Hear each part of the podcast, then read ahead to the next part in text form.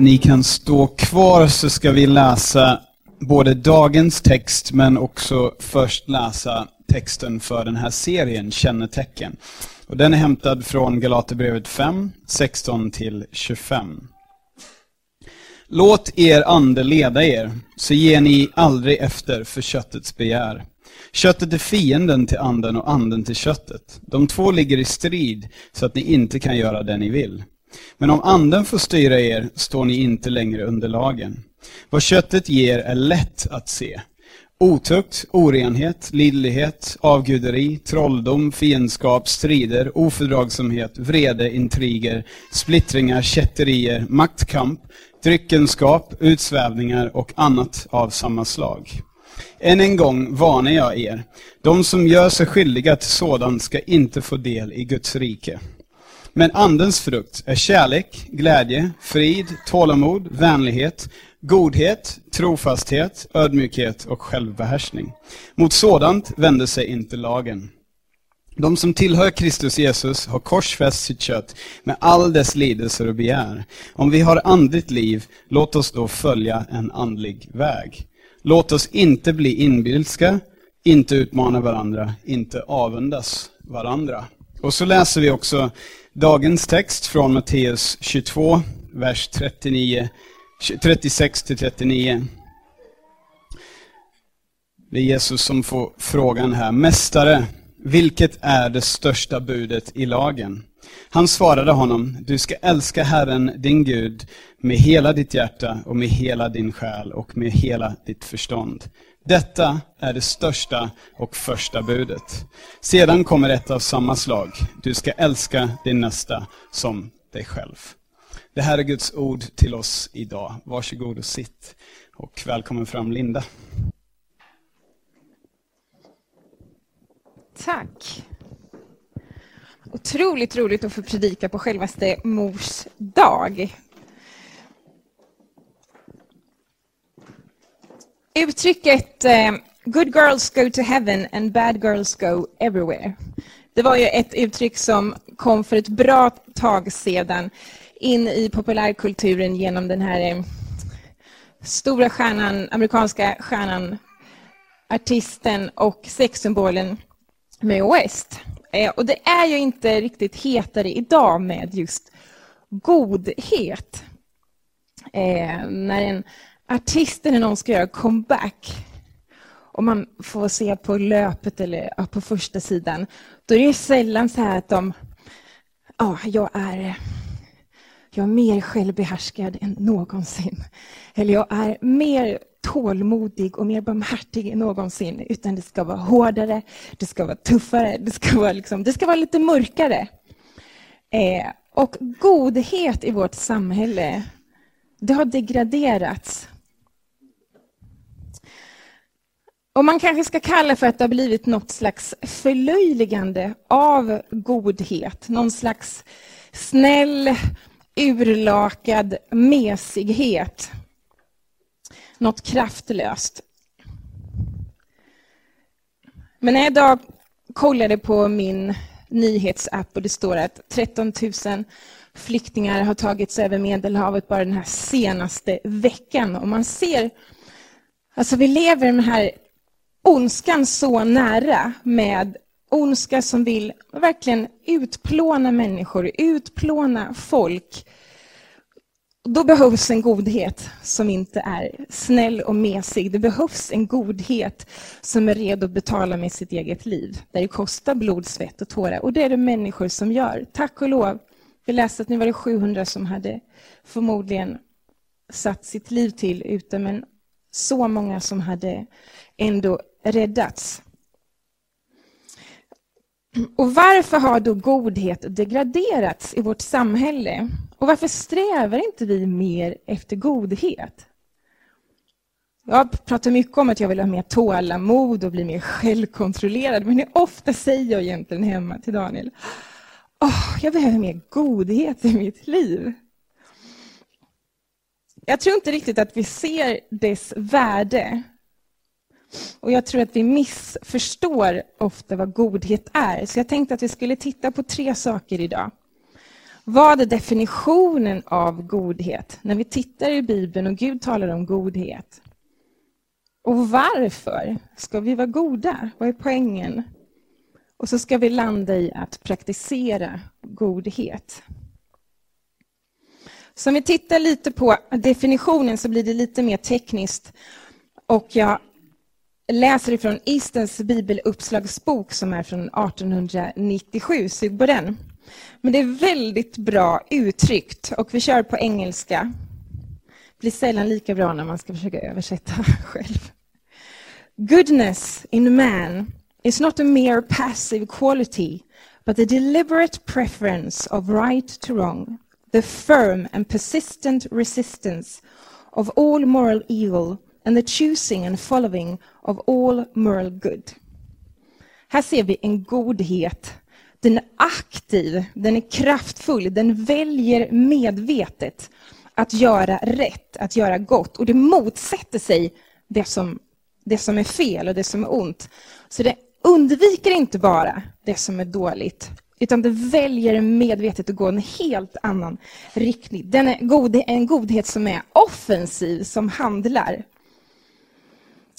Och jag är inte haj på grekiska, men eh, det kan vara bra ändå att se, för den här texten, Galaterbrevet 5, det skrev jag just på grekiska. Och det här ordet godhet, vad är då inbakat i det? Det här ordet godhet i grundtexten då, som är ordet agathosin. Du hör ju min fantastiska gre grekiska. Men det talar om, det beskriver en godhet som inte bara är alltså för själva dygden, att jag har uppnått eller jag har den här förmågan, utan det är en godhet som, som är för andras bästa. Det finns en handlingskraftighet i den här godheten. Och som Brad läste Galaterbrevet 5 och 22, det var en hel del i det paketet. Det är lite så här magstarkt, kan man väl säga. Men den här listan av olika karaktärer, de här kännetecknen av kärlek, godhet, självbehärskning, tålamod. Det är ju egentligen...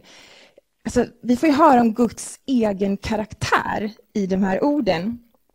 Och man ser att godhet är sammanlänkat med moral.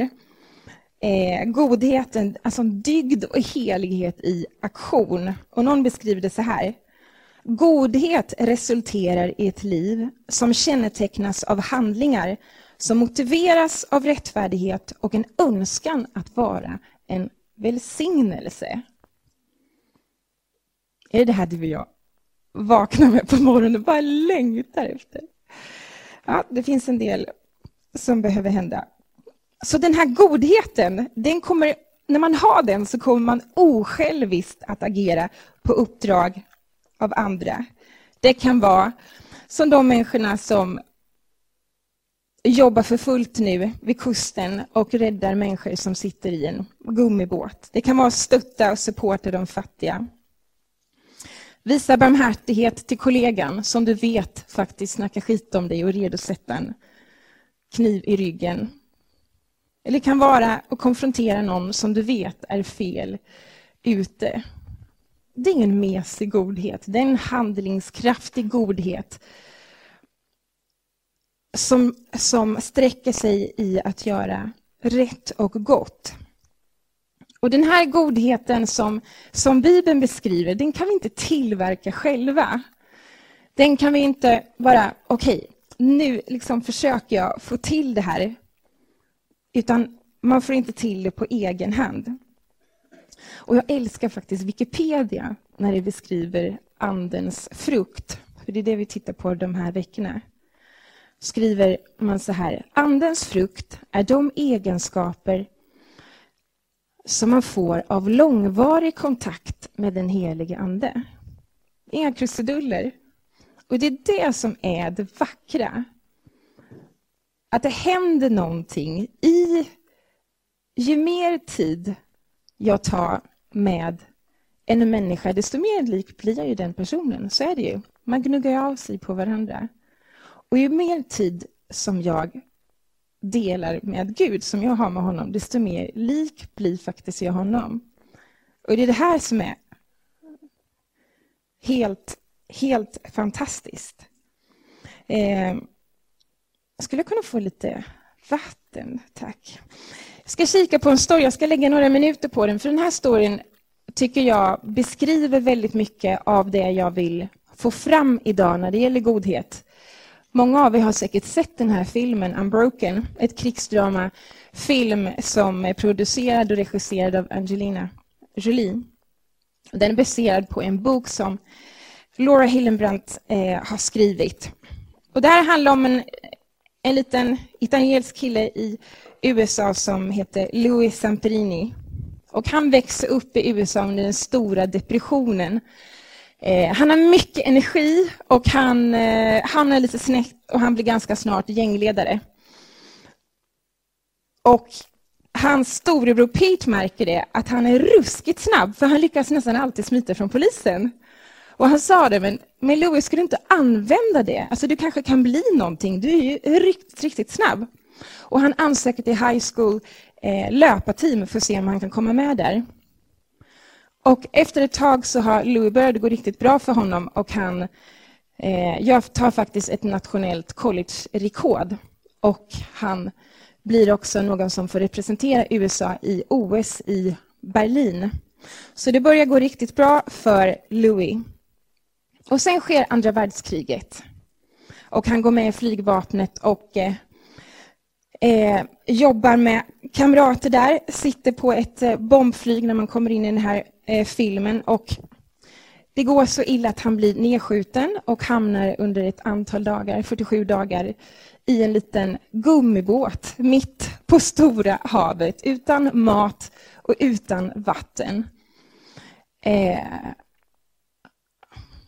och någon annan, de var tre stycken och en av dem har, har dött för att eh, de har ju varken mat eller vatten, det är bara saltvatten överallt. Och då säger Louis, för han har en katolsk eh, bakgrund, så att någonstans där inne så, så, så vet han att jag vet att det finns en Gud. Och så säger han, Gud, om du lyckas ta mig ut ifrån detta och rädda mig, då lovar jag att jag ska ge dig mitt liv. Och så säger han också, Gud, låt det regna. För de höll på, eh, de hade ju inget vatten. Och då kommer det massor av regn, så de får lite fukt och de klarar sig lite till. Och han kommer faktiskt ut ur det här helvetet. Eh, men det vill sig inte bättre utan att hamna i ett japanskt fångläger under två års tid. Jag vill bara måla den här bilden för att eh, för ni som inte läst boken eller sett filmen för att man ska greppa lite vad det är han går igenom. Ehm, så vi ska titta på en och en halv minuters kort eh, klipp här och då har han hamnat i det här fånglägret och står inför The Bird. Ehm.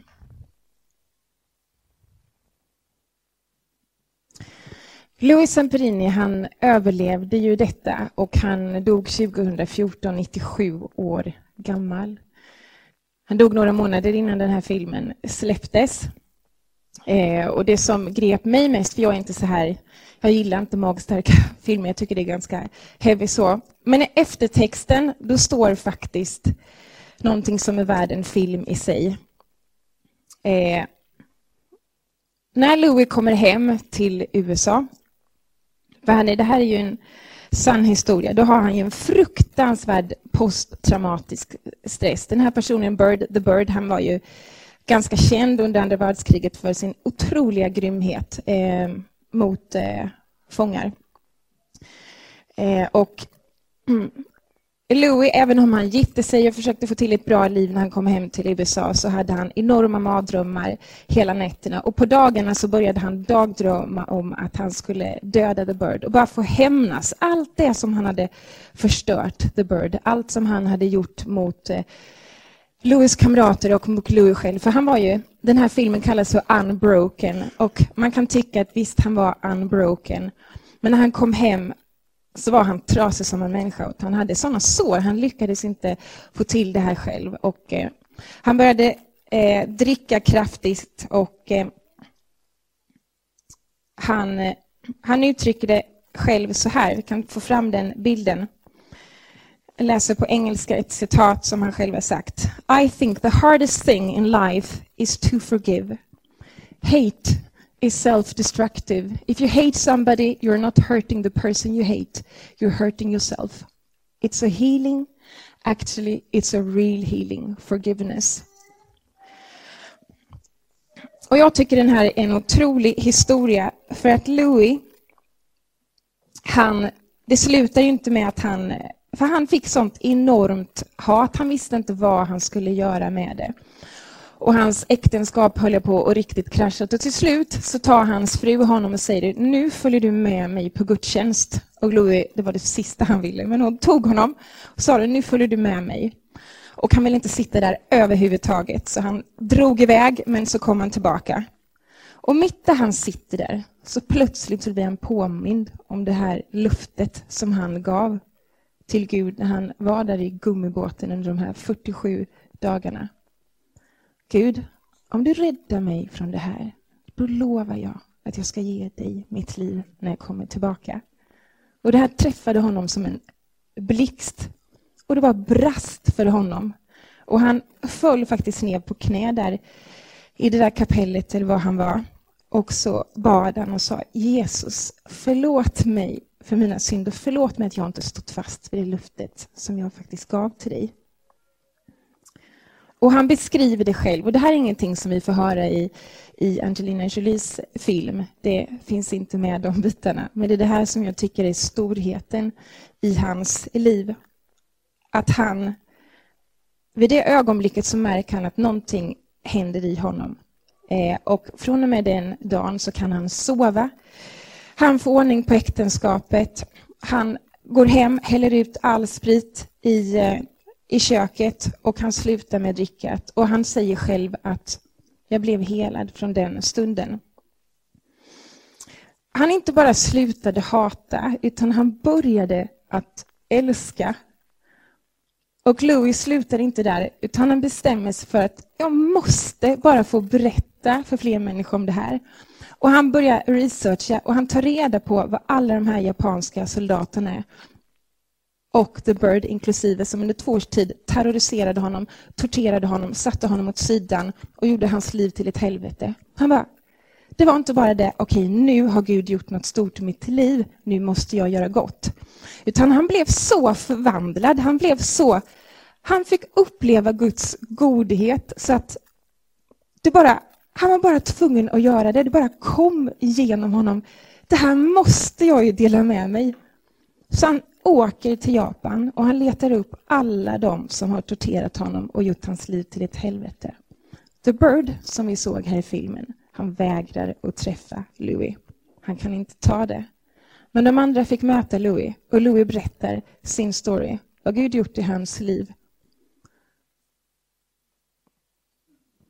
Det är godhet. En människa träffas så av Guds godhet. Att inte bara bli okej, okay, nu måste jag göra goda handlingar. Utan det bara, man blir så förvandlad, man blir så gripen. Så att det bara kommer som ett gensvar till det Gud har gjort i ens liv. Gud hade förvandlat trädet på hans insida så att han bar godhetens frukt. Bibeln har en sån eh, beskrivning eh, om just frukten, att ett träd bär ju frukt. Är det ett gott träd, ett friskt träd, så kommer det bära bra frukt. Är det ett sjukt träd så kommer det vara skrumpen och dålig frukt. Och här ser vi att det var inte bara något pålagt som Louis hade liksom tränat sig till, utan det kom en förvandling inifrån och ut.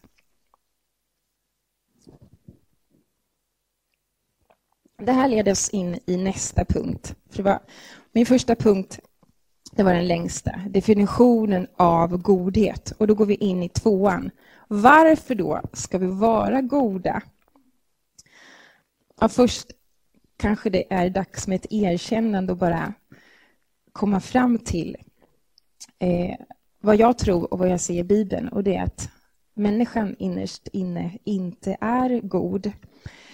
Det här, den godheten som jag har beskrivit, eh, det här grekiska agathosene. Eh, och vi behöver bli lika Gud. I Jakobs brev där står det så här, allt det goda som vi får, alltså varje fullkomlig gåva, allt som är gott, det kommer ifrån himlen. Allt som är gott. Och det är klart, du och jag, hela mänskligheten är skapad av Gud själv. Han har lagt ner av sin godhet i oss. Vi är hans avbild. Det är klart att vi kan göra det är klart att vi kan göra gott. Alltså vi är ju hans avbild. Samtidigt var det ju någonting som hände. När Gud hade skapat hela skapelsen, skapat mänskligheten, så tittade han och så sa han, det är gott. Han kunde bara se, mm, perfekt, det är gott. Det var riktigt gott det han såg att han hade gjort. Sen sker ju syndafallet. Det sker ju det här sönderfallet eh, i lustgården, hela den storyn som gör att det blir en skillnad i människan, hur vi lever och hur vi eh, i vårt förhållande till Gud. Och vår kommunikation med Gud, godheten, är bruten. Och det, vi fungerar inte längre som vi var skapta. Så vi är ju en Guds avbild. Samtidigt är det något som har hänt i hela mänskligheten. Och det kan vi...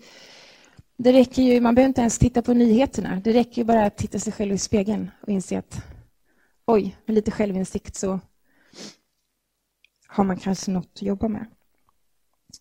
Flugornas herre, som är den här kända romanen från 1954, William Golding, han blev ju Nobelpristagare. Det här är en av moderna litteraturens mest hyllade verk.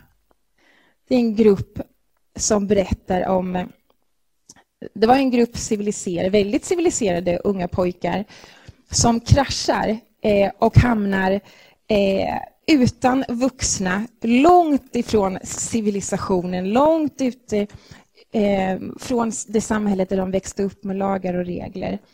Och eh, William beskriver i den här eh, i den här boken, är säkert, jag var ju tvungen att läsa den här när jag gick i skolan, det är så här, var ett måste när vi växte upp.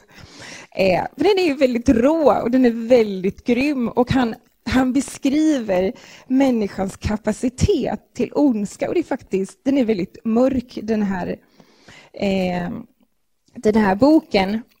Men någonstans eh, så visar Bibeln det att eh, människan innerst inne inte längre är god, utan vi behöver upprättelse. Så varför behöver vi då vara goda? Varför behöver vi Guds godhet i våra liv?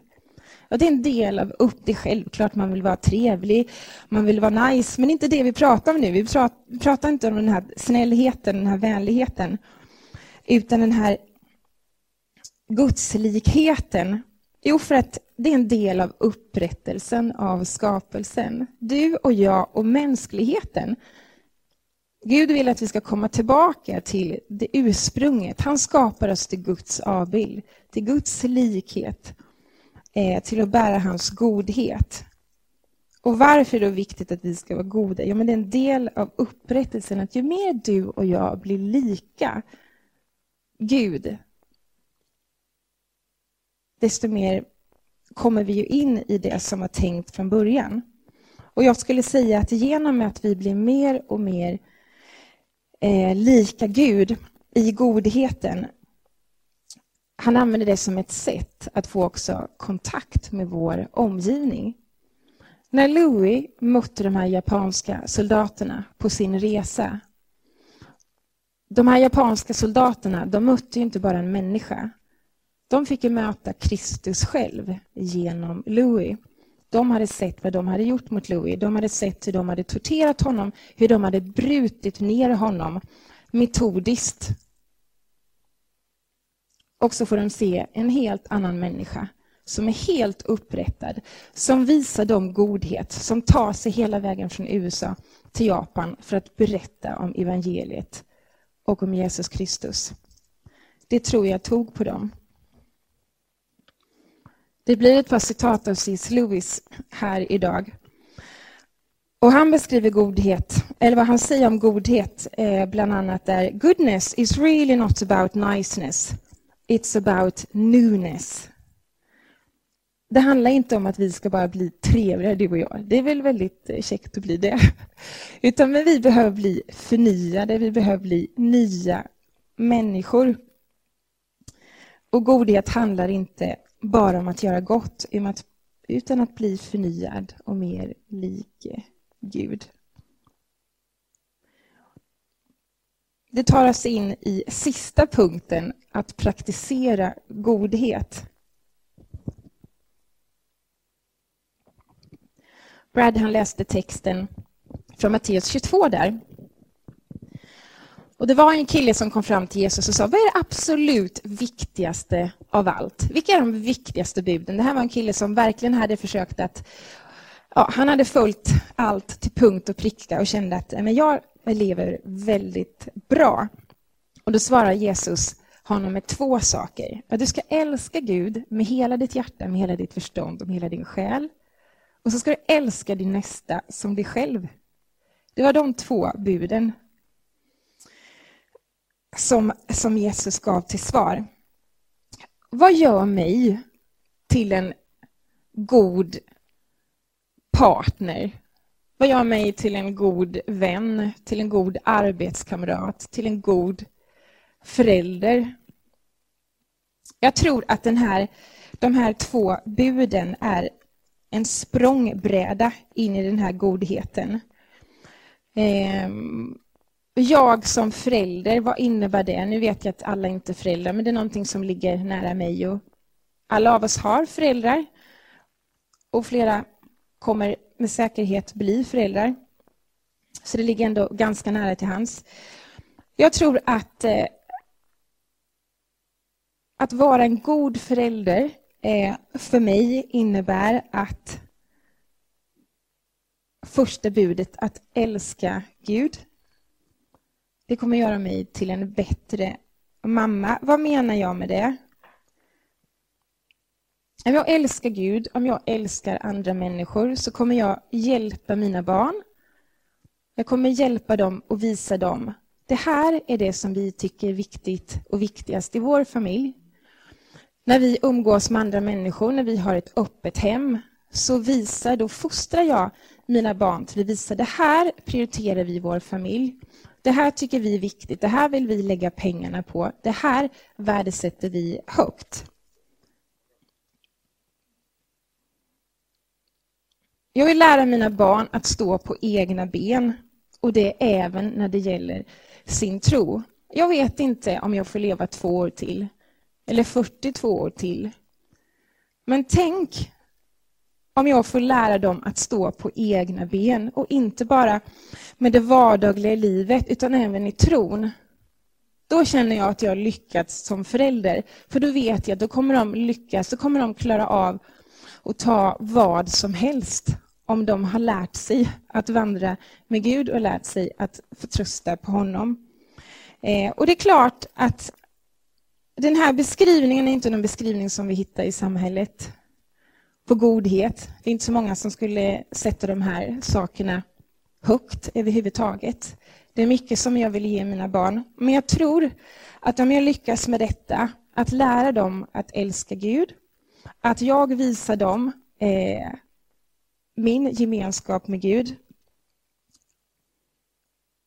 då tror jag att jag har kommit ganska långt. Det är jätteviktigt att jag investerar min tid i dem, att jag hänger med på matcher och ser till att de får aktivitet och hela den biten. Det är viktigt. Men när det gäller som gudstjänsterna till exempel, då, då har vi pratat med barnen och sagt vi vill att eh, vi som familj vi prioriterar gudstjänsterna. Och då är det, då är det på, på söndagar så är det gudstjänsten som kommer först. Det är inte alltid att de känner åh vad kul mamma. Men jag tror att det som vi lär dem nu, det som vi vänjer dem vid nu, vi hjälper dem att den dag som de har fritiden själva kunna välja precis vad de vill, då har vi hjälpt dem eh, till att fatta beslut som jag tror gör dem gott.